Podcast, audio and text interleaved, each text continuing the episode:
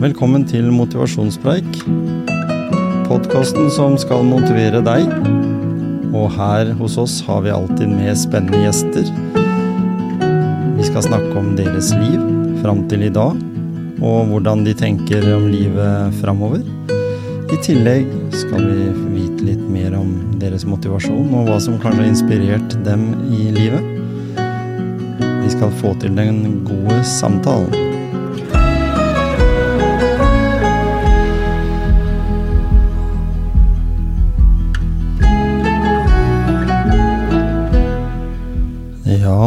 Dagens gjest er eh, The Dogfather, eller Will Smith, eh, som han egentlig heter.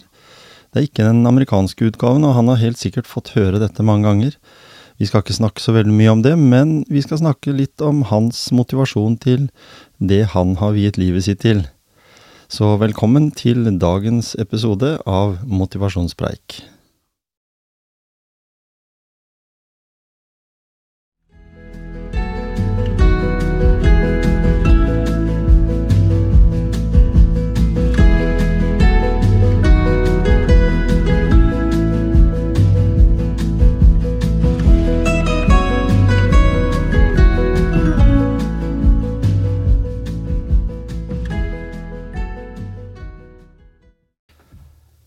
Ja, velkommen, Will, til eh, Motivasjonspreik. Takk. Det her kan bli spennende. Eller The Dogfather, som jeg ser på, ser på genseren din. Ja, det er jo et navn som jeg har blitt kalt faktisk av en kar som eh, kom nede på kafeen på Lykke, nede på brygga. Som han sier 'Å, der er det Dogfather'. Og tenkte jeg, vet du hva, det var et kult navn. Det bruker vi. Det er det. Og det, logoen er jo litt sånn som The Godfather, ikke sant? Så du er jo gudfaren faren når det gjelder hund. Fall i hvert fall prøver å bli bli. Ikke sant? Vi skal snakke om det, men vi skal også få bli litt bedre kjent med Will Smith. da. Det må, må si, når, du, når du går inn og googler deg, så er det navnebroren din som kommer først, hvis ikke du skriver Skien etter. Det er helt korrekt. Ja. og det er jo ikke noe sånn eh, at uh, ingen ikke vil være kjent av det navnet, men det, var jo ikke, det er jo ikke det som opprinnelig. Det er ikke det at det var en skikkelig fan så du tok navnet. Det er en annen historie bak, er det ikke det? Jo, det er det. Det er eh, Jeg hadde to brødre som eh, Jeg het jo Helge Hellstrøm før, og for eh, 26 år siden så bytta jeg navn fordi at det var så mye trøbbel rundt de, og mitt navn blei belasta også. Og moren min heter jo Smith i etternavn, og biologiske faren min heter jo William, og da blei det Will Smith. Ikke sant? Så det er en enkel forklaring. Enkel forklaring. Så det er bare liksom at han borte i USA, han har eh, tilfeldigvis bare det samme navnet. Det er helt riktig. Og det er jo altså å hete Smith i dag, det er jo som å hete Per Johansen. Ja, er det ikke det? Jo. Eller litt sånn Olsen, som Ja, jeg heter. ja, ja. Liksom. Det er helt, uh, Det er, helt, det er liksom veldig mange som heter det, men ikke her. Ikke sant? Du har, du har et kjent fjes i sosiale medier. Du er kjent, eh, eller godt kjent oppe på Odd, fotballaget vårt her i Skien. Ja, Eh, og det har- både, både på den ene og den andre måten, men du er jo på en måte sånn ihuga, tro eh, fotballsupporter i gode og onde dager. Er det sånn du sier? Ja, jeg har jo gått der oppe siden jeg var fem år, Mm. så det nærmer seg da 55 år. Så. Ikke sant? Så du har vært med og stått på haugen, liksom, den gangen Ja, jeg samla mest tomflasker den gangen jeg var fem-seks år og, og krøp på betongtribunen. Som, og da, da lå jo den gamle jeg var det BP, tror jeg, bensinstasjonen på hjørnet og på. Bestemmplassen. Ja, da var jeg med faren min der, og da, og da var det glassflasker, faktisk. Det er det. Coca-Cola 0,25 glassflasker, og da samla jeg inn det og hadde penger til 17. mai spesielt, nå på 16. mai-kamper. Ja, for den gangen så var det jo ikke sånn panteordning annet enn at du måtte ha en kjøpmann som var villig til å ta det hjem, for de ble jo vaska på nytt. Ja. Men jeg fikk levert i kiosken. Ja, Så da hadde de Rudolf- de gamle tre... Ja, de leverte Rudolf? kiosken på stadion. ja ikke sant, på stadion, ja. Ja, ja, ikke sant. Så du var tidlig opptatt av det å, å tjene noen kroner, og jeg sa jo til deg her når du kom at eh, jeg husker jo deg fra den tida det begynte å komme DJs til Norge. Det var jo liksom veldig tidlig, for det var jo en sånn engelsk-amerikansk fenomen. At du skulle prate mellom sangene. Ja, jeg begynte jo med det veldig tidlig òg, for jeg var jo på Eyolf, ble jo jeg eh, gående da fra jeg var 13 år, så det var jeg jo 77. Da begynte jeg der. Og fikk muligheten å stå der og spille plater, og syntes det her var ganske kult. Så Med min engelske opprinnelse så ble jeg jo veldig godt kjent med de engelske DJ-ene som var i byen, så da fikk jeg noen søndager på gamle Chinatown, der mange andre kjenner det kanskje som Gatsby òg. Mhm. Fikk jeg muligheten til å være der. Og så etter hvert så fikk jeg muligheten til å gå inn og så spille og tjene penger. Så første gangen, det var i 1979. Da tjente jeg mine første kroner som DJ mm. på gamle Chinatown. Og så fortsatte det bare, og jeg spiller enn i dag, så jeg holdt på i 46 år, blir det vel nå. Ja, ikke sant? Men, men allikevel så har det vel vært sånne ting her i livet at det, det er ikke bare mulig Altså arbeidstidsmessig så er det jo litt ugunstig arbeidstid da, å være DJ på, på heltid. Ja, jeg har aldri hatt noe problem med det, og jeg har jo jobba som servitør, bartender, Ja, ja. Altså, så jeg har jo vært i restaurantbransjen, og jeg hoppa av en periode, men du blir som en sirkushest, du vil gjerne tilbake. Ja. Du, legger deg opp til visse rutiner rundt det, og så er, er du på da, litt sånn på det, den tida av døgnet som, eh, som det funker best både i restaurant- og utelivsbransjen, eller? Ja, men jeg funka på morgenen òg, for jeg er ikke sånn sovedyr. Nei, Jeg husker Denny Tvang, kompisen min, han hylte jo hver gang han skulle sove hos meg, for jeg var oppe åtte, han sov jo til tolv, ikke sant, når han skulle sove over hos meg, så det var jo en kamp. Så, så jeg, jeg, liksom, jeg, jeg står opp om morgenen. Mm. Det gjør jeg. Jeg liker ikke å dra meg. Og uansett om jeg har jobba seint, så er det aldri vært noe problem. Nei. Så jeg har jo vært mye i Rauland og jobba også når jeg har vært der oppe 13 sesonger. Ja. Og jobba vinterstid der, og det, da er jeg jo en stor potet og gjør det meste, da. Ja. Og trives veldig med det. Jeg liker å jobbe med mennesker og rundt mennesker og det som er servicebransjen. da. Mm. Om det er på sykehus eller om det er eh, i psykiatrien. Det er service alt sammen. Ja, ikke sant? At det er mennesker Mm. som trenger din hjelp. Og, og når vi snakker om det, øh, så har du jo på en måte nevnt litt grann om, din bagasje. Altså det er, du har hatt, eller møtt på din utfordring. Vi liker bedre å bruke utfordringer enn problemer ofte. Ja, Eh, fordi det virker liksom, liksom det er litt lettere å løse en utfordring enn et problem. Er inne på noe der? ja, du er jo det. Det er jo det er ofte lettere å løse en utfordring, men oftest er, er starten er jo et problem. Ja, ikke sant? Ja. Og det kan være tungt mange ganger, og en møter jo da Altså, sånn som jeg kjenner deg, da, så tenker jeg det at du som person øh, Du kanskje har et problem sjøl. Så ser du det ut i den totale sammenhengen, og så ønsker du å gi tilbake. Ja, Stemmer ja. det? At du på en måte, når du da har løst ditt problem, så vil du gjerne hjelpe, andre, for du lærer deg noe på veien. Ja, jeg føler jo det. altså Der kan du si alt fra liksom jeg var ung, da, 16-15-16 år, og som jeg har jo jobba med barnevernsbarn, ikke sant, og jeg kjenner meg jo igjen i en del av tinga di, for jeg var jo ikke den roløste fyren. Jeg hang jo i taklampene på skolen, Ikke sant? så, og da vet man litt om det, og hvordan kanskje man ikke vil bli behandla. For det her var jo før diagnosesamfunnet kom. Ja, helt korrekt. Ikke sant? Og vi er jo alle, vi har jo alle kanskje noen bokstaver på Ja. ulike nivåer. På ulike nivåer. Så, og, og da tenker jeg da, når vi kommer til dette her med uh, the dogfather, altså dette her med, med, med hund i forhold til uh, dette fenomenet med ulik atferd. Vi mennesker har en ulik atferd, enten vi har ADHD der vi henger i taklampa, eller der vi har en høyt energinivå, sånn at vi kan gå for full maskin over veldig lang tid til det sier stopp. Eh, og hunder er jo litt sånn. Noen, i hvert fall. Det er eh, Altså, du kan jo ta Det som, er, det som jeg opplever nå, da, det er jo veldig mange kjøp, har kjøpt seg hund i koronatida. Mm. Men de ser jo på form og farge. Ja. Og den, en av de mest populære hundene, det er jo border collier. Og Mm. den står jo og dirrer på at den skal ut og jobbe. Jobbe, jobbe, jobbe, jobbe. Og hvis ikke den får det, så blir jo den kokos. Mm. Og det, det er ikke noe bra. Og det, og det er jo litt det samme med mennesker også. Altså Hvis ikke du får noen utfordringer og får prøvd deg på ting, så du blir litt irritert, og du uh, syns ikke det er noe bra. Nei, ikke sant. Og jeg, jeg husker eh, Eller jeg snakka med Jeg har en, en kompis av meg som spilte i Odd før, James McGurty. Ja, Kjenner han James. du? Kjenner James. Eh, og han sa det, husker jeg, de bodde i en liten leilighet i Liverpool og hadde en sånn border collie. Han sa Og det var jo nesten den vanligste hunden å ha i London. Du tenker deg at uh, disse bikkjene går i åttetall bare de er aleine en time. Det er den tredje mest eh, populære hunden de siste tre åra, tror jeg. Ikke sant? Ja. Og det er en gjeterhund. Det er en gjeterhund. Lettrent hund Mm. som er på 24-7. Mm. Med høy IQ, egentlig. Sånn at Ja. den trenger liksom både stimuli mentalt, men også fysisk. Ja, Og da kan du se, Hvis du ser på agility-konkurranse, f.eks. Mm. De er jo på pallen eh, i ni av ti ganger. Det er det det er. Men har du nå da uh, gått all in? Du har stupa inn i hundens verden. Du har jo hatt hund sjøl, og du har jo god erfaring med det å, å, å ta deg av hund. Uh, og hva, hvordan tenker du dette her med uh, disse koronahundene, da, som, som trenger hjelp? Uh, nå er det jo folk som trenger hjelp for å passe de, men det er også folk som trenger at de får eh, mental eh, stimuli. Ja, Det er jo det som er problemet. det er at de koronahundene Jeg har jo fått en del telefoner og spørsmål om jeg kan lufte, om jeg kan hjelpe til. Og jeg har liksom ikke helt all kompetansen, men jeg får jo hjelp hvis jeg får noen spørsmål. Men jeg har ikke hatt noe tid, for jeg vil konsentrere meg veldig mye om den skolebiten som jeg driver med på Oslo hundeskole. Uh, og de koronahundene har jo vært vant til å ligge i en eller annen armkrok i koronatida.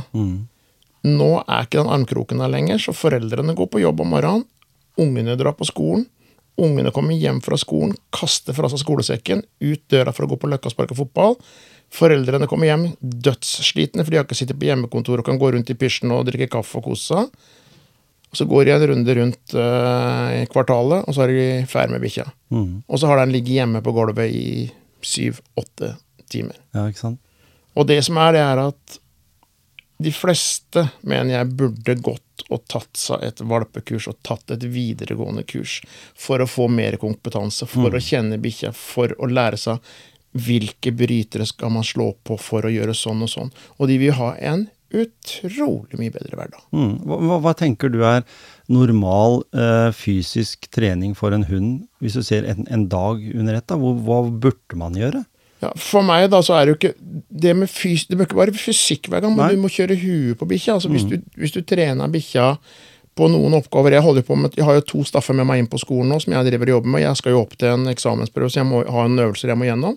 Og de jobber jeg med eh, på de, og da, da jobber de altså Da er de på tre-fire minutter av gangen. Inn i bilen, slapper av og hviler, og ligger der i fem-ti minutter. Og det holder jeg på med i ca. et kvarter. Så de er på fysisk et kvarter. Det er like mye som å gå en tur i 45 minutter. Så det er den komboen at du gidder å eh, gjøre og, og leke med bikkja. Det er altfor lite lek. Og gå med båndet og mobiltelefonen i den andre handa, og den bikkja går og snuser overalt, og så kommer du rundt et hushjørne, da, så står du med mobiltelefonen i handa, så er det en annen hund der. Som ikke du vet om, men bikkja di merka jo den, og da er det jo Ja. ut sånn. Så det er liksom, folk må være mer obs på hunden og være mer altså, Hva skal jeg si? Gi hunden mer av seg sjøl, gi av seg sjøl mer til hunden, da.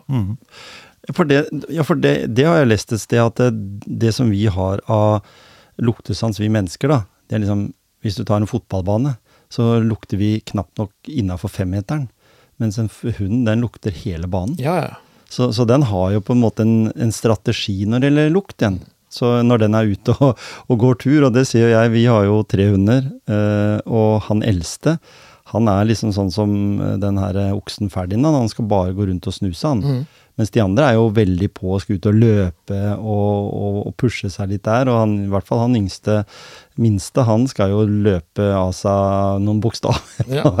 Så, så det er noe med den, de har jo ulike atferder, og, og det er jo på en måte vanskelig da, hvis ikke du snakker med mennesker med kompetanse, eh, at du vet, ja du har en uh, bullterrier, ja da skal den opp, jobbes med på den måten, mens du har en, en chihuahua, så den skal jobbes på på en annen måte, for de har jo alle eh, en, en hjerne, disse hundene, så de har jo behov for ulik stimuli. Ja, og det, og det er det som er, og det er jo det som også er grunnen. Da, for etter, etter jeg måtte ta min buddy, da, som fikk eh, prolaps i ryggen og lammelse ut i beina, jeg tok han i november i fjor, eh, så har jeg fått noen telefoner og spørsmål om jeg kan hjelpe med bikkja. At det er litt problem.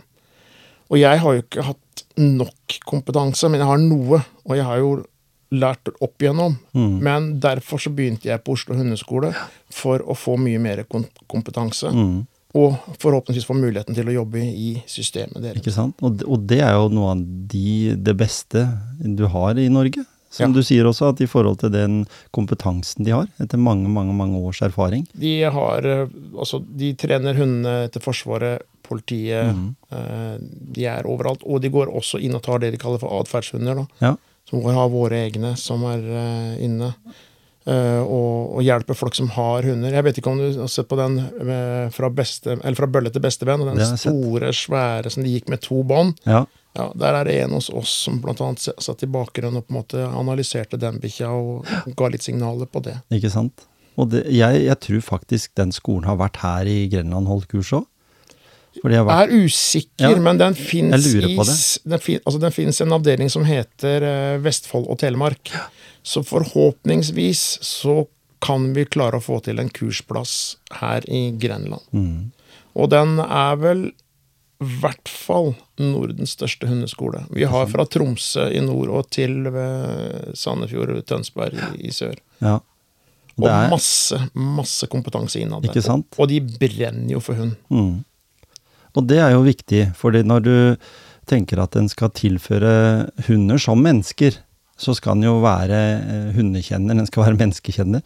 Eh, og det er jo sånn vi lever. Eh, og hundene har jo et mye bedre liv av å få hjelp på den måten som du gjør. Altså ved lufting av hunder. har vært, jeg tror faktisk yngstedattera vår har en, har en Shetland sheepdog, og den har vært i hundebarnehage. Mhm. Istedenfor at den ligger hjemme og er eh, stressa fordi den gjerne vil ut. Så er det jo sånn at den jobber. Og da har den vært eh, noen dager i uka på, i hundebarnehage, og den trives veldig godt med det, har jeg fått inntrykk av. Ja, og det er jo litt det jeg gjør, da. Jeg tar jo de hundene som folk er på jobb, og så kan jeg låse meg inn, og så henter jeg bikkja, og så er jeg ute og går et par timer med den. Ja, ja. Og alle de hundene jeg har, de er liksom De får minimum fem kilometer eh, tur. Mm. Så deilig. Så, og det er jo bra for meg òg. Ja. Og det er bra for huet. Altså dagslys, eh, det er jo gavepakke. Mm. Så Når, du, når du sier det, eller du sa til meg her tidligere at du hadde hatt dine utfordringer, eh, og at eh, dette her er liksom på en måte nå balsam for sjela, det å få være med hunder. Hunder er jo lite sånn lite kritiske. De er jo veldig sånn trofaste. Selv om du kommer til en hund og du ikke kjenner den så godt, så finner den fort liksom ut av at du er en person å stole på. ja, de er lojale. Ja. Jeg bruker å si det at du kan jo prøve å hive kjerringa di bak i bagasjerommet på bilen sammen med bikkja, Ja, og så kan du se hvem som står og logger her. Ikke når du åpner bagasjerommet. Det er sånn det fungerer. det er det. Det- Ja, så Og- de er, eh, de er, de er kjempelojale. Mm, og er det, er det sånn at vi da eh, burde lært litt av de i forhold til hvordan vi mennesker lever i dag?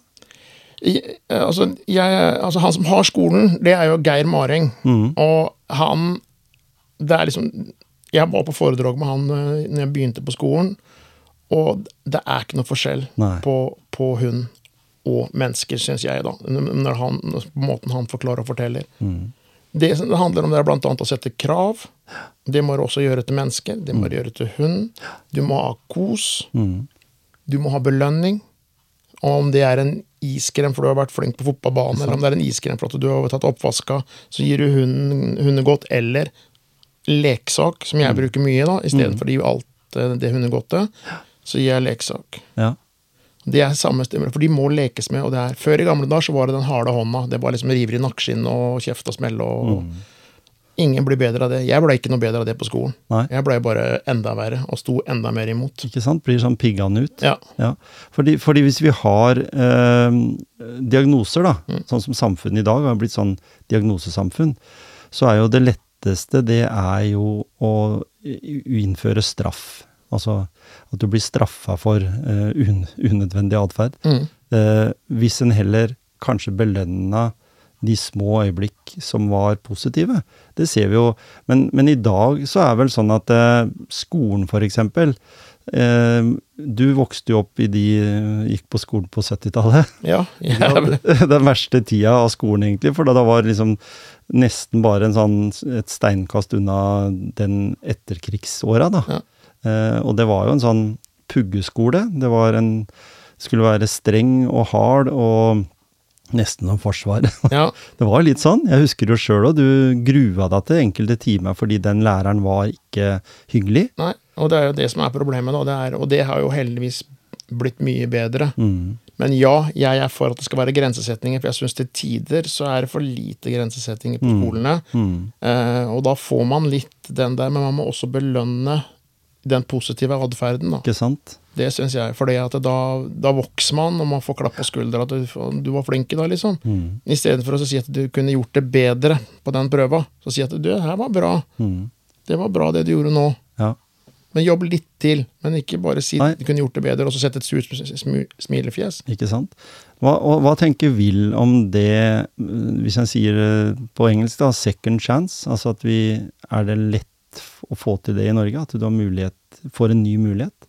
Ja, jeg føler at jeg har fått det, men det har jeg fått kjempeforhold til tider. Det må jeg jo si, men, men du får det. Men jeg tror kunnskapen før var veldig dårlig. Mm. I, eh, I forhold til altså, hvordan du skulle behandle folk og, og oppføre seg, egentlig. For du var bare autoritær, veldig mange av de lærerne vi hadde. Og som sagt, da har jeg tagga han ut. Mm. Og så ble du taua opp en spesialklasse, og så endte han opp der. Jeg husker jo det når jeg gikk på skolen sjøl. Alle visste jo om det at det var ett klasserom i fjerde etasje på Hemsø som ble brukt til det. Og vi ville jo helst ikke dit, fordi eh, Men det var mange som altså, trua jo med det, at hvis ikke du skjerper deg nå, så havner du der. Og hvis du ikke var trygg, eller ikke kunne være der, så havner du på Tambelund, som det. Da var liksom sånn enda mer spesialskole. Ja, jeg blei jo kasta først ut eh, i åttende klasse. Da blei jeg lempa ut på slutten av åttende klasse. Da blei jeg sendt til Menstad, for da hadde de en spesialgreie der. Ja. Og jeg som sagt, jeg hang jo litt i taklampene og var jo ikke den greieste gutten i klassen. Og der var jeg en kort stund. Da ville de ikke ha meg, så jeg ble sendt tilbake igjen. Og når jeg skulle begynne i niende klasse, så ble jeg sendt til Obsen, til eh, Per Jacobsen på Lundeskolen. ja. Da var vi seks-syv elever nede i den klassen. Mm. Og der var det ikke noe kjære mor nede hos Per Jacobsen, det kan jeg fortelle deg. Det var tøft. Han, han tok tak i det. Men du fikk jo noen muligheter der, på en måte. Og som han, han var smart. De gutta som røykte, de skulle liksom tøffe seg ut i skolegården. Han tok de ut et kvarter før friminuttet var, og sto ute og røyka bak. Det var ikke så tøft. Nei, Og så tok han fra de tobakken og leite, så ikke de fikk det med seg ut i, i friminuttet. ikke sant? Så, eh, men det liksom, i dag hadde du aldri fått lov å kalle det for obs-klasse. Nei, Så du blei stigmatisert, helt klart. det, det blir sånn. I dag så skal jo allikevel, tenker jeg da, så skal jo mange av disse mm, problembarna, hvis vi kan si det på den måten, det er jo ikke det egentlig, men det er bare at de har noen utfordringer der. Eh, Skal de få være en del av klassemiljøet hvis det er gode tilpasninger, eller syns du at det burde være litt mer fleksibelt i skolen? Jeg tenker, noen snakker jo om det at noen er jo fysisk anlagt. Noen kunne kanskje lært bedre i skogen, eller noen kunne lært bedre ved å ha vært et annet sted enn inne i et lite klasserom. Ja, jeg for min del, jeg hata jo øh, å være i klassen. Så det vi fikk til det da med Per Jacobsen, så fikk jo jeg øh, hver mandag og hver onsdag så var jeg på kjøkkenet på Hotell Høyer. Ja. Og det var en bra greie for meg, for da Mm. hadde jeg det mye mer ålreit. Og så hadde jeg da de tre andre dagene i uka på, på, på skolen. Mm. Og, og der blomstra jeg, som de sa også der nede, at jeg funka jo og gjorde det jeg skulle. Jeg husker jeg sto og skrubba kjeler som omtrent en meter høye. Og så blei det litt av livet ditt, Ja, fordi du syns at dette her funka for deg. De gjør det. Og jeg tror det er, som du sier, det der med at folk ikke eh, makter skoletimer og den biten, men at de kanskje burde få lov å komme seg ut Mm. og gjøre noe annet, da. Eh, og det er jo mange som har kommet seg gjennom skolen og gjort det mye bedre og fått seg en arbeidsplass Mm. fordi de har fått andre muligheter enn bare å sitte og skal skrive eh, på, på et papir. Tror, tror du noe på den eh, som mange snakker om nå, at en må snu litt på hele greia? Hvis du skal bli sykepleier, så bør du kanskje jobbe innen helse litt først, før du vet hva du går til når du skal begynne på skolebenken, da, enn at du kommer rett fra videregående og inn på skolen. Eh, eh, det gjelder jo det samme som hvis du er i restaurantbransjen. Skal du ta et fagbrev som, som kokk f.eks., så kan det være greit å ha jobba litt som kokk, sånn at du på en måte vet hva du går til. Eh, For i dag så er jo samfunnet veldig bygget opp rundt at du går teoretiske fag, og så får du praksis underveis. Men du vet jo egentlig veldig lite om Du lærte jo det gjennom å få de to dagene, at dette var en interessant bransje for deg. Men hvis ikke du hadde vært der, så hadde du kanskje ikke valgt å gå videre på utdanning og sitte enda mer på skolen for å bli eh, i, eh, ja, i restaurant og servitør, het det vel den gangen, oppe Ja. på Brekkeby, eller hvor det var. Ja. Eh, Jeg har, aldri gått, jeg har aldri gått i linjene, men jeg har lært meg det gjennom for å få mu Praktisk- mulig praktisk. Praktisk opplæring. Ja. Men det som er, det som eh, Jeg mener jo også at sånn som leger i dag, da Det er jo høye krav for å komme inn på legestudiet. Og de er jo veldig flinke teoretiske. Mm. Men det er veldig mange av de som ikke kan behandle mennesker. Og jeg Nei. mener at for å få lov å begynne på le legestudiet, så bør du ha minimum et halvt år ute på gulvet. Mhm. Det syns jeg er riktig. Og jeg har jo jobba på både sykehuset her ute, både psykiatrien og, og på kirurgisk ortopedisk avdeling, sjette etasje, mm. og faktisk på akuttmottaket i Sverige, uten utdannelse. Ja, ja. Eh, og man ser der en del av de legene der som er kjempeflinke eh, og tekniske og superflinke, men de kan jo ikke behandle mennesker. Mangler en EQ, altså. Det er eh, Og det er, og det er viktig, og det, og det gjelder jo egentlig i alt. Mm. det, det, altså Som jeg sier, alt er service. Om Ja. du jobber som sykepleier, lege, bartender, servitør. Alt er et serviceyrke. Mm. Sitter du på bussen, det er et serviceyrke. Ja. Du kan ikke sitte og kjøre buss og sitte og plukke på mobiltelefonen og så kan ta imot betaling. Det er liksom Mm.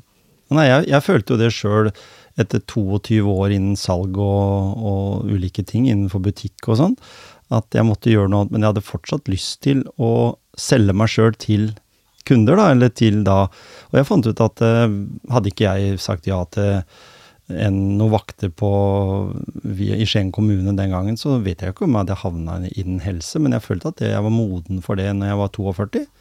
Og har jobba med det i 14 år nå, så, så jeg har jo på en måte fått eh, god kompetanse, føler jeg. Mm, Spesielt fordi jeg har med meg bagasjen min fra de 22 åra. Og det er det samme for meg. Når Ja. jeg eh, også kom ut og begynte å jobbe i, i helsevesenet, og så altså tok hjelpepleien, da, mm. så var det jo litt det der at jeg dro med meg noen av de tinga jeg hadde fra eh, restaurantbransjen, både sånn servicemessig sett, Mm. Men sant? også effektivisering av bare sånn enkeltting. De gikk og bar én og én tallerken ut på en tralle som sto i gangen, istedenfor å dra tralla inn på det rommet, og så sette på tralla.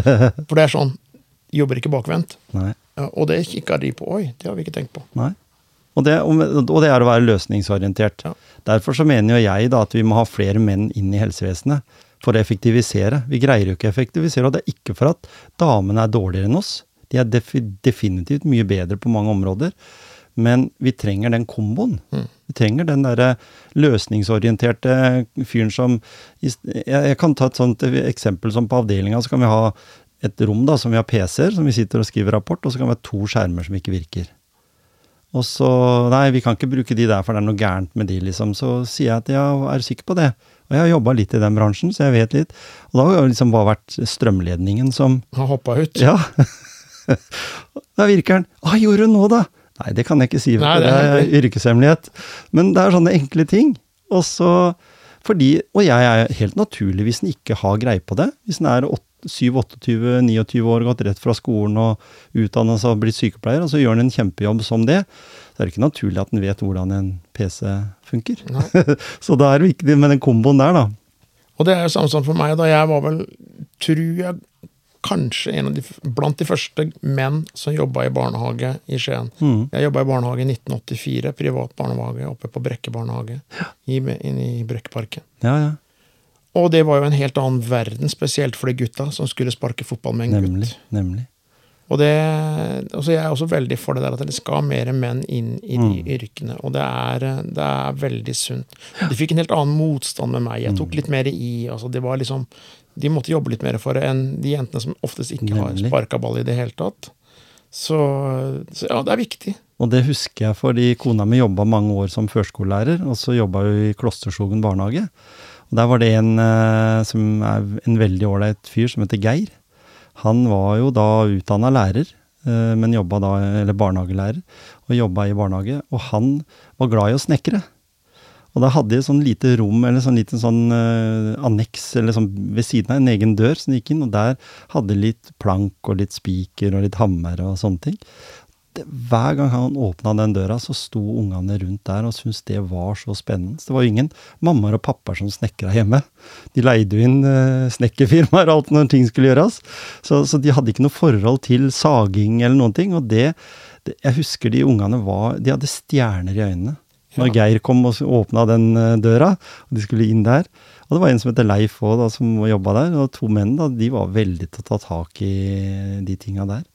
Og det er litt som du sier, den komboen, at det må liksom ja. samme, Jeg husker vi i gamle dager, når jeg gikk på skolen, så hadde jo vi vi hadde jo sløydsal. Ja. Og det, jeg tror ikke det fins i dag engang, en, en, en sløydsal som får lov. Vi, vi laga jo knivskjefter, og vi hadde metallsløyd den ene uka. Mm.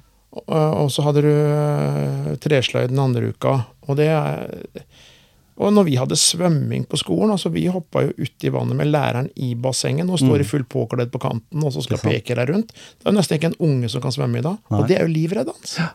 Å lære seg å svømme er livreddende. Og er det ikke sånn da, når du sier det der med livredding, er det ikke sånn at, eh, at du kan redde livet på mange måter? Altså det å gi folk, eller barn da, og ungdom, muligheten til å mestringsfølelse, gjør mye med deg. Altså det gjør deg mer nysgjerrig enn at du altså Nå er det jo barn og ungdom som sliter med angst og depresjoner og, og utbrenthet. Uh, er, det, er, det, noe vi kan på en måte trekke fram som var positivt i de gamle dager, som de kunne ha hatt i dag? Litt det derre Du hadde mye mer mestringsfølelse fordi at du, du gjorde ting på dine nivåer. Sånn, mm. Spesielt sånn som du hadde sløyden, du hadde svømming, gymmet var på en helt annen måte. Mm.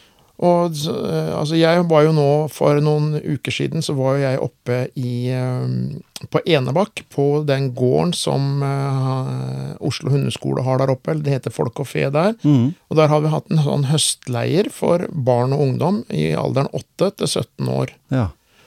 Og der er det sånn at du har med deg hunden din, eller du får låne en hund der oppe. Mm.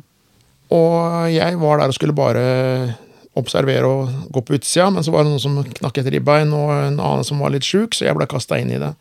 Og da fikk jeg muligheten til å jobbe med de ungdommene som var 13 til 17. Mm. Og så var jeg jo med med de andre også, som var yngre. Og da kan du snakke om mestringsfølelse. Da er i én uke på den leiren. Det er som å være på rideleir, bare du har hund. Og de fikk jo muligheten til å, å uh, trene den hunden. Hadde vi sånn agility-leir, og så mm. lærte du mer og mer for hver dag som var. Og så se hvordan de vokste bare ved at de fikk skryt, belønning, for å ha gjennomført noen oppgaver med den hunden. Ja, ja. Og du ser hunden deres også mestere, som egentlig har vært visvas, noen av de. Og det var helt fantastisk. Og de var jo så stolte når foreldrene kom for å hente det. De skulle uh, fortelle, fortelle, fortelle. Og vi hadde jo en konkurranse der uh, uh, på torsdag, da det her var fra mandag til fredag, så hadde vi da en sånn agility-konkurranse som liksom skulle gjennom den banen. da. Og de må jo ta ansvar. De må opp om morgenen, ned, eh, ta ut hundene, mm. ut og gå tur og lufte de. Og det er liksom åh, må vi det? Ja, ditt ansvar. Sjekk at buret er i orden, pass på å ta vann. Og så når de har spist frokost, må de ned og gi de fôr. ikke sant? Mm. Og etter hvert så blir jo det en sånn greie, for de ser hunden trives, og den står jo og jager og logger her når den kommer inn, eh, de kommer inn døra der. ikke sant? De er jo mm. helt på. Så det er, det er helt fantastisk å se. Og det, og det, blir jo kanskje en helt annen verden når de kommer hjem igjen.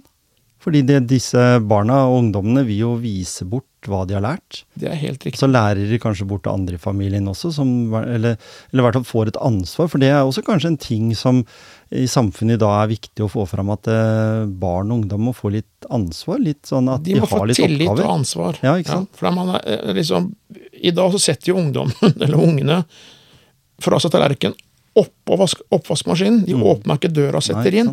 Og det er det mange foreldre som syns er greit. Ja. Ja. Det er jo lov å si at unnskyld, men kan du bare åpne den og så sette den inn i mm. oppvaskmaskinen? Mm. For det tar akkurat like lang tid. Ja. Men det, vi, det, er litt igjen som jeg sa det med hund. Du må stille krav til den, men det må du også gjøre til, til mennesker. Så jeg syns det er veldig veldig likt. Det er nesten ikke forskjell på hvordan du skal oppdra en hund, og hvordan du skal oppdra mennesker. Nei. Og så er det nesten sånn at uh, du, du, blir jo ikke tilbudt noe kurs når du får barn.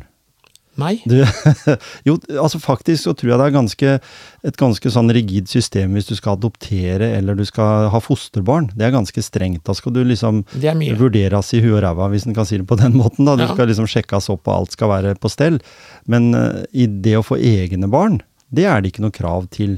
Du får ikke sånn at eh, Jeg husker det var en som snakka om at noen skulle gifte seg, så kom presten inn og så stilte spørsmål om ja, har dere tenkt nøye nok på dette her, da? Det blir ikke stilt sånne kritiske spørsmål, Nei. eller noen sånne eh, Vi bør ikke si det er kritisk, men at det er konstruktiv samtale. Er dere modne for det med barn nå? Har dere eh, økonomi til det? Det er mange faktorer som skal spille inn. Ikke bare det med, det er ikke bare kjærlighet og varme omsorg og at en har eh, et barnerom tilgjengelig. Det er veldig mange andre ting også som kan være tungt. Kanskje, kanskje forholdet skranter litt, så ja, det er kjekt å prøve å få et barn da, for liksom live Reparere. forholdet, reparere. Så, så det er mange sånne faktorer som kanskje en burde tenke på at eh, Hva med å tilby et kurs? Ja, det er Et ikke hundekurs, og så tilby et sånn foreldrekurs? Men jeg ser nå, jeg har jo fått et barnebarn, hun er to år nå, og eh, datteren min hadde jo faktisk vært på et kurs nå, eh, eller en forelesning, eh, som alle barnehagene i Skien hadde mm. lagt opp til oppe på tabernaklet, ja. om barneoppdragelse og hvordan det skulle være på en måte i Så dag. bra. Og, det, og det, som hun sa, det var veldig bra. Da som hun sier at ja, nå er det ikke sånn strengt, pappa. Nå er det mer at man skal være myk og en litt sånn annen type parenting. da. Mm. Og det, det var eh, ganske interessant å være på, sa Det Ja. var det veldig bra. En sånn positiv tilnær tilnærming. Ja. Eh, kanskje det skulle vært et kurs som eh, gikk på dette her med bli kjent med diagnoser. Ja, da hadde du vært der hele uka. Ja. For nå er det jo blitt en uh, hype, Ja. en trend på sosiale medier, å ta ADHD-test, eh, leste jeg her. Ja. Eh, hva tenker du om det? Både du og jeg er sikkert sånn typer at vi har sikkert noen bokstaver uten at vi er utreda for det. Så er, har, har litt stor fart til tider. Ja, Og så har litt dårlig håndbrekk. Ja, det er det som er problemet. Så vi kommer liksom over den kanten, og så har vi ikke helt planlagt hva som skjer når vi går ut der uten fallskjerm. Nei. Det er litt sånn. Men så, så vi er jo på en måte trøkt inn i eh, dette A4-samfunnet som vi har vokst opp i. Jeg føler ikke at jeg, at jeg med mine bokstaver har vært noe problem for meg, annet enn at eh, jeg var alltid den som kom på fotballtreningene, jeg var alltid den som var med i gymtimen. Jeg var, jeg var kanskje ikke den som satt roligst på skolen i de kjedelige timene, sånn som uh, matematikktimer og sånn. Det, det var kanskje den verste timen, egentlig. Selv om jeg i dag, eller jobba 22 år med tall, så, så var liksom ikke det det heftigste, og det hadde kanskje like mye med læreren å gjøre, som var litt sånn tørr og kjedelig professortype. Det er hvordan du, formid det er hvordan du formidler ting. Ikke sant? Og det er jo litt det der også som igjen, jeg går tilbake til hun, og da ser jeg jo på, på hvordan hunder reagerer. Og jeg har jo nå har jeg gått på skolen siden eh, september, begynnelsen av september. Mhm. Slutten av august, 24. august begynte jeg. Og jeg har jo fått en helt annen greie. Jeg har lært mye mer sånn i forhold til hvordan skal du tilnærme deg hunden, hvordan skal du få hunden til å gjøre ting for deg. Mm. Og det er mye lek. Mye lek. Og belønning. Og belønning er lek. Mm. Så når jeg har trena f.eks. de to staffene som jeg har, så, som, jeg, som jeg låner, så har de ganske tøft regime når vi skal trene. Mm. Og så, når vi er ferdig, så legger jeg begge hundene ned på hver sin kant, og så sier jeg vær så god. Og da kan de springe og jage og herje. Og da vet jeg at neste gang jeg kommer, så er de på hele den tida som jeg har jobbet med de, Mm. for de gleder seg til den leken. Ja. Og det er en belønning. Mm. Så det, og det tror jeg det er litt for lite belønning eh, også i skolen og arbeidslivet. Mm. Det er for lite klapp på skuldra. Sånn, eh, jeg sier ikke at du skal få 10 000 i bonus eller eh, sånne ting, men man må liksom Vi er jo ulike individer, og det er jo alle hunder òg. Mm. Ulike, ulike måter å oppføre seg på og reagere på, og da må du ta det for det det er, og så må du tilpasse til om ikke hver og en, men i hvert fall du må, du må jobbe litt annerledes, tenker jeg. Mm. Ikke bare gå inn i den boksen. Ikke sant? Og, og du er jo 64-modell. Mm. Du blir 60 da neste år, 4. januar. 4. januar.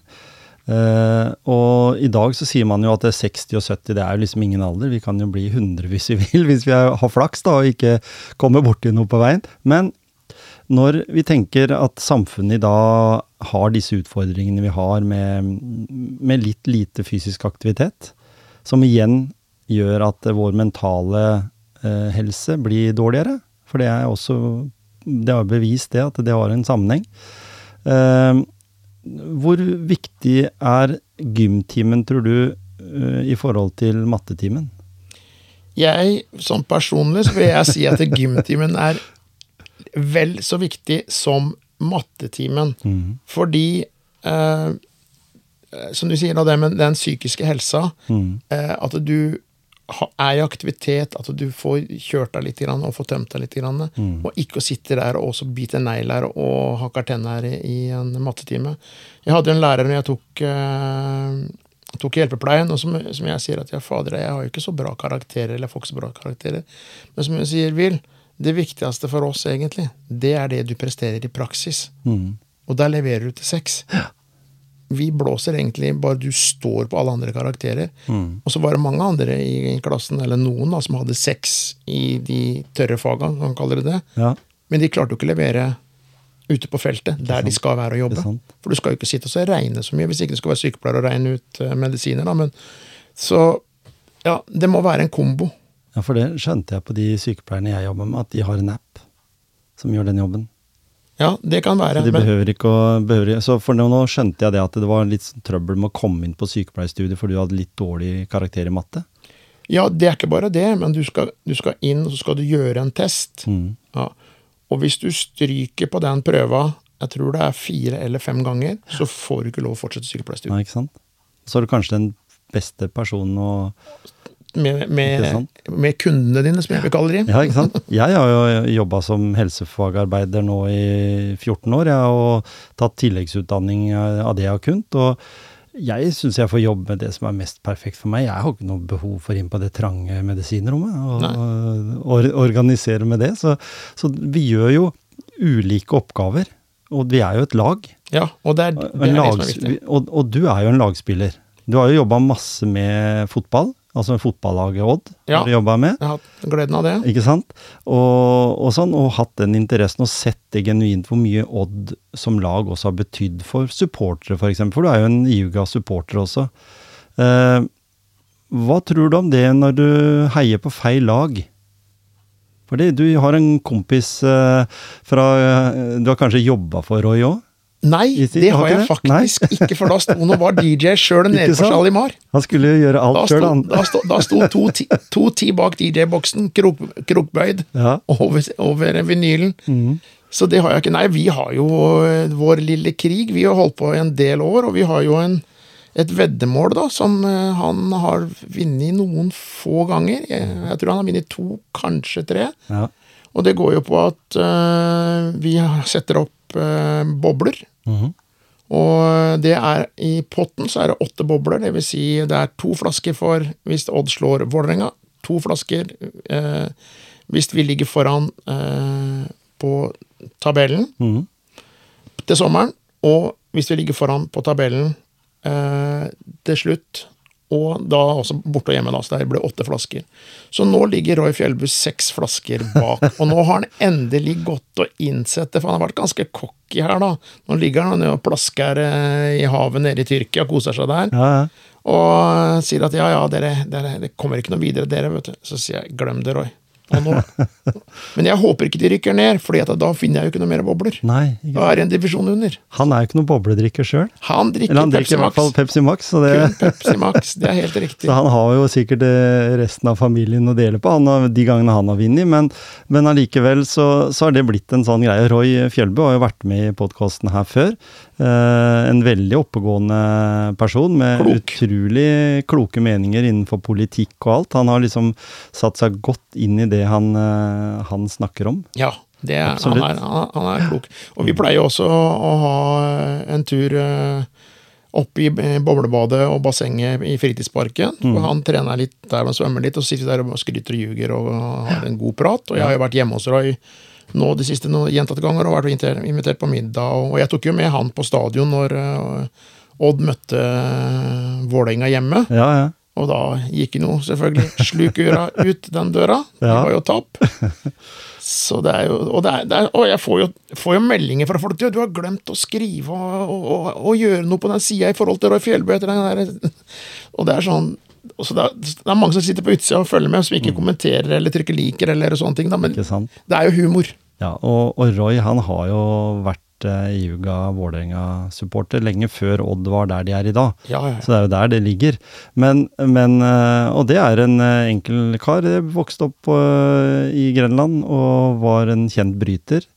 eh, Og var stor. Ja. Svær. Det var, ja, det, som du sier, 210. og- 210 og 140-50 kilo. Ja, noe sånt, ikke sant. Ja. Vi snakker om eh, Jeg husker da, de gangene jeg har vært hos den, så, så og, og så har han vært litt uheldig. Han har måttet amputere noe fot og bein og sånn, men han var, gikk jo sinnssykt bra i trapper den gangen jeg kom og besøkte den, i hvert fall. Så, så det er utrolig hva den mannen kan få til. Og den størrelsen. Ja, absolutt. Og jeg hadde med meg en hund på besøk hos Roy, og da satt han jo i rullestolen. Mm.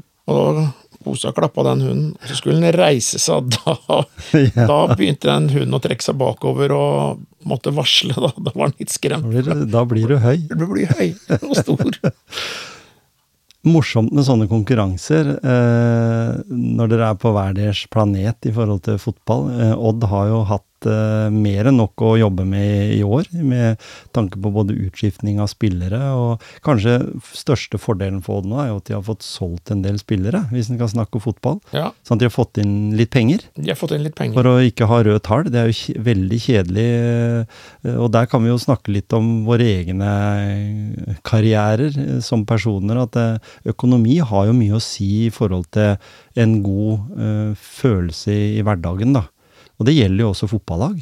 Ja, og det er jo det som du snakker om. Altså, eh, er dårlig økonomi, sliter med økonomien, har det dårlig. Jeg har vært noen runder på det. Det er ikke noe drivelig. Nei. Det, du, du har ikke mentalt bra da. Du går litt og har den der klumpen i magen og fader og prøver å finne noen shortcuts og gjøre noen varianter da, som ikke funker alltid. Og bare det sosial sammenheng, liksom. Ja, hva gjør du nå? Uh, ja, hvordan går det med deg? Uh, det blir litt sånn og du har liksom ikke Ja. lyst til å prate om det. Og vi er, vi er litt sånn feige der, uh, og lokker det inn. Og det er litt sånn Sånn er det bare, Mm. egentlig. Men det har blitt bedre, og folk har kommet mer ut, og det har blitt flere kjentfolk som har kommet ut for at de har hatt problemer og vært i depresjoner, eller hatt, vært dårlige, eller hatt det tøft. da. Så, så det er eh, Det har kommet lenger enn det det var før, for det var litt tabubelagt. Ja, for det har jo noe med sosial status å gjøre. Det er at Hvor korrekt. er vi igjen i, i samfunnet nå? Har vi, har vi liksom råd til det, eller har vi råd til det? Og vi vet jo at mange sliter i dag. Det har vært eh, utfordrende for mange etter eh, en pandemi.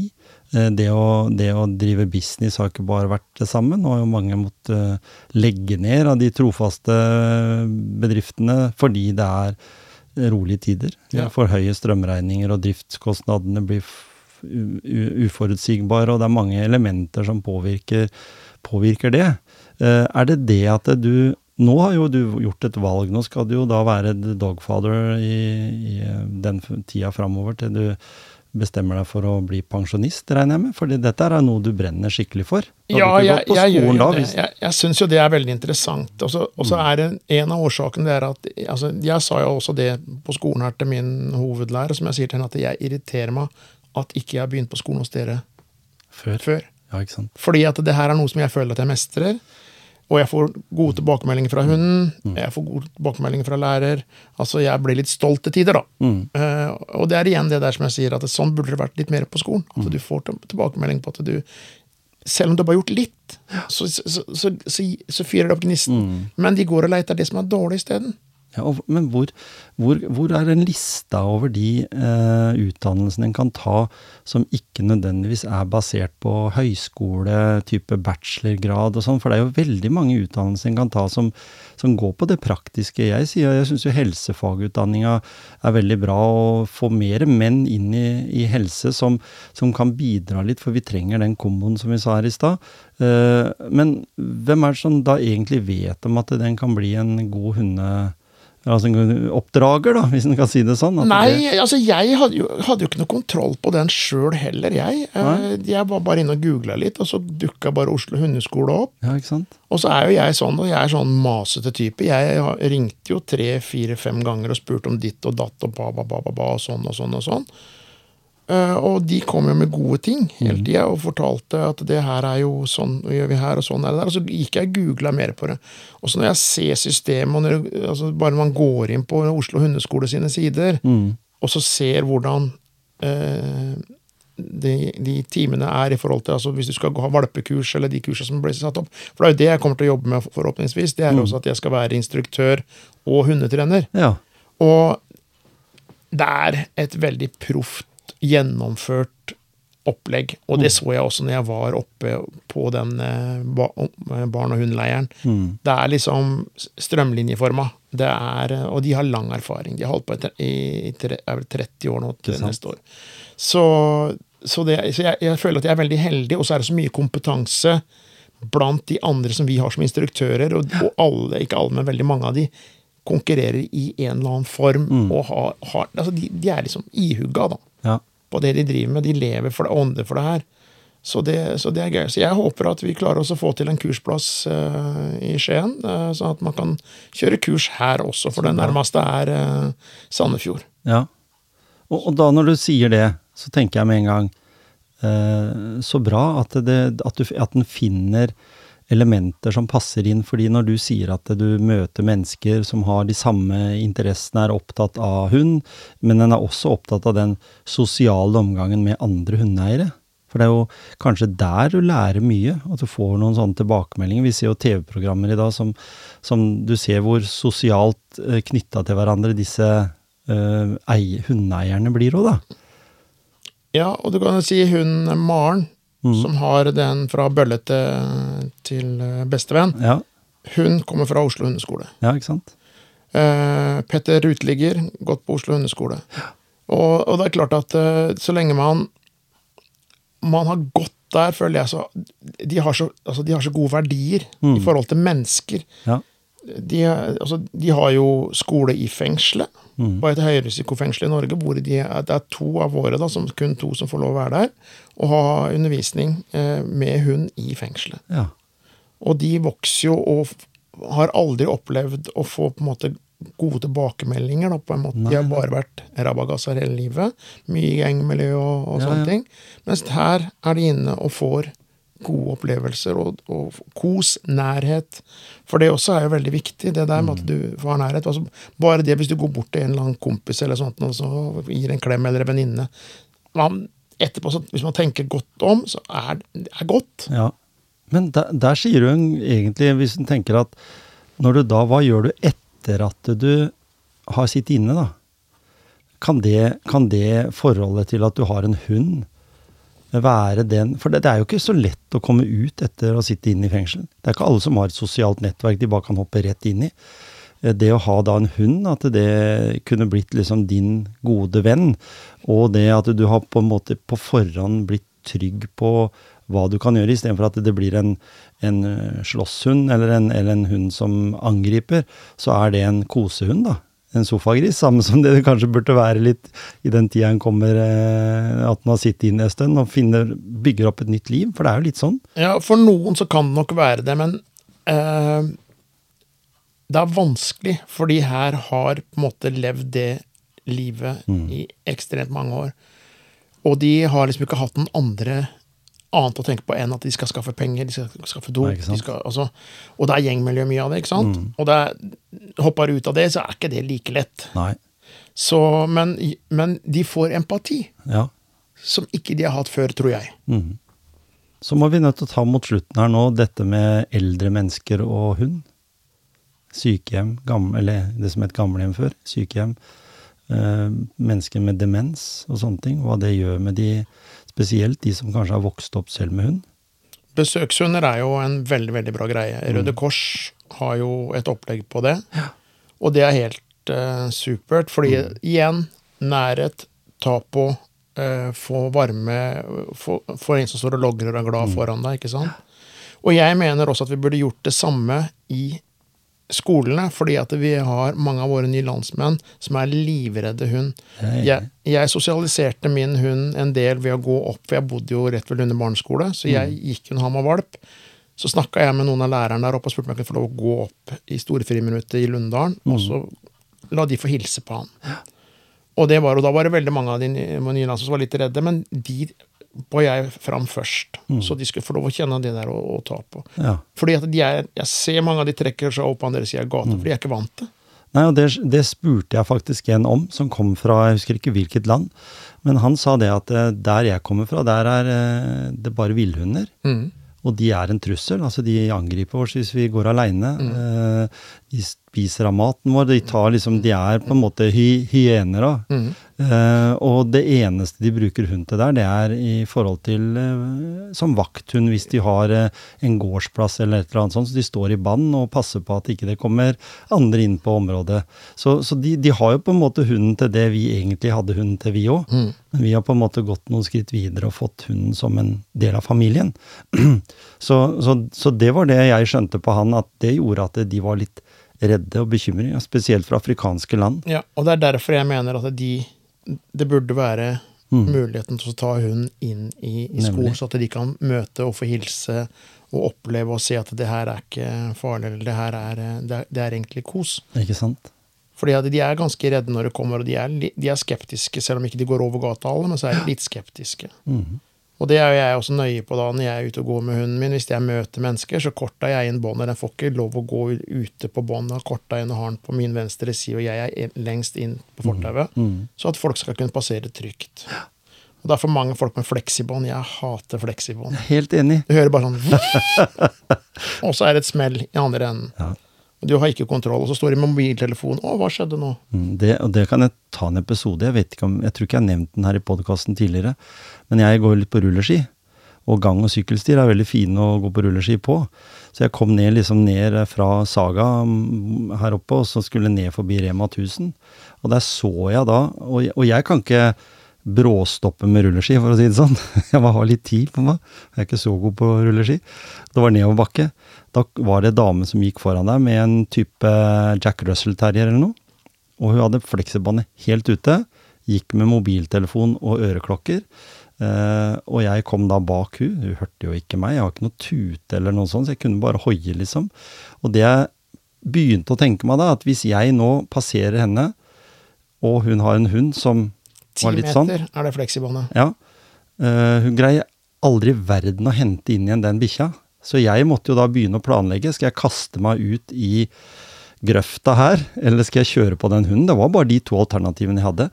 Så jeg greide heldigvis å unngå, men for den hunden den kom automatisk inn mot meg når den så det meg som en trussel. Skulle ta meg.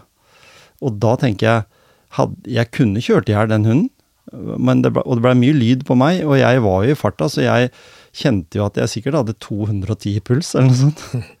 Men den dama tok ikke den der hunden, bare til venstre og så videre opp og ut på skolejordet, liksom. Så, så jeg også er en hater av fleksibånd, og jeg hater at når to menn, eller én mann, går med to hunder, og begge har hvert sitt fleksibånd, og du møter, når vi har tre hunder, skal møte og gå på tur, så er det noen av disse her som syns det er veldig stas at de skal lukte eller hilse.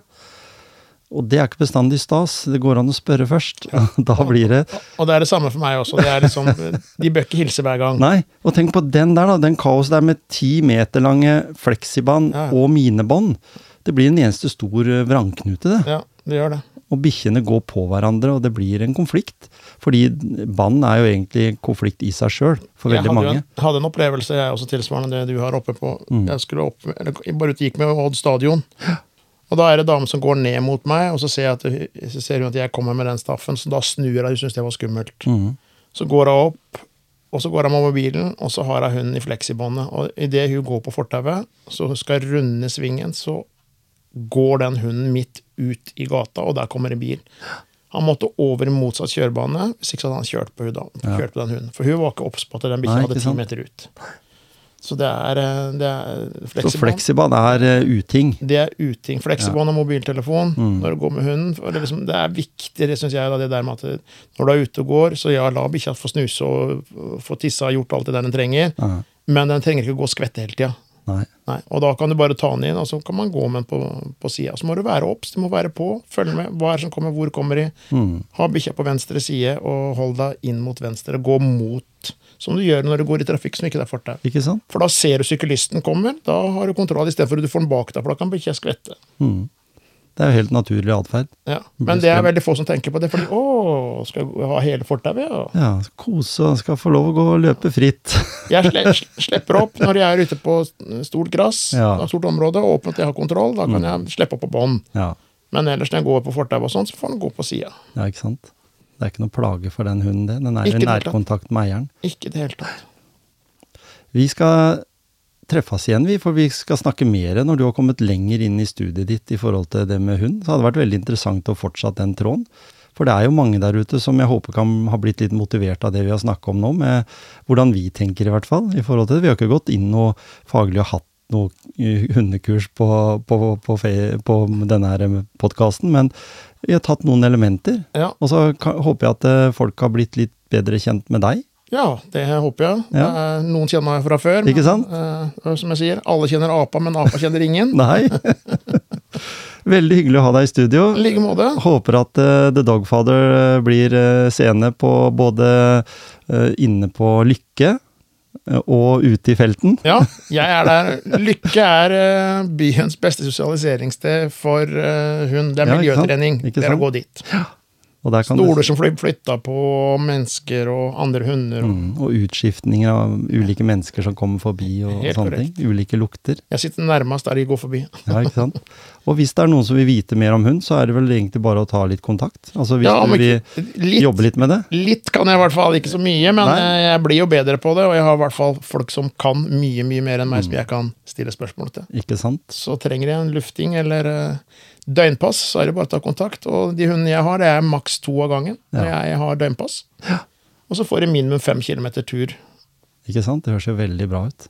Så det, Så det er mange som har dårlig samvittighet for den hunden som ligger sju-åtte timer aleine hver dag. Ja, de bør ha, i hvert fall. Ja, Ja, ikke sant? Det er helt naturlig. ja, det skal de ha. Ja. Det, det er bare trist. Mm. Tusen takk for at du stakk innom. Hyggelig å være her.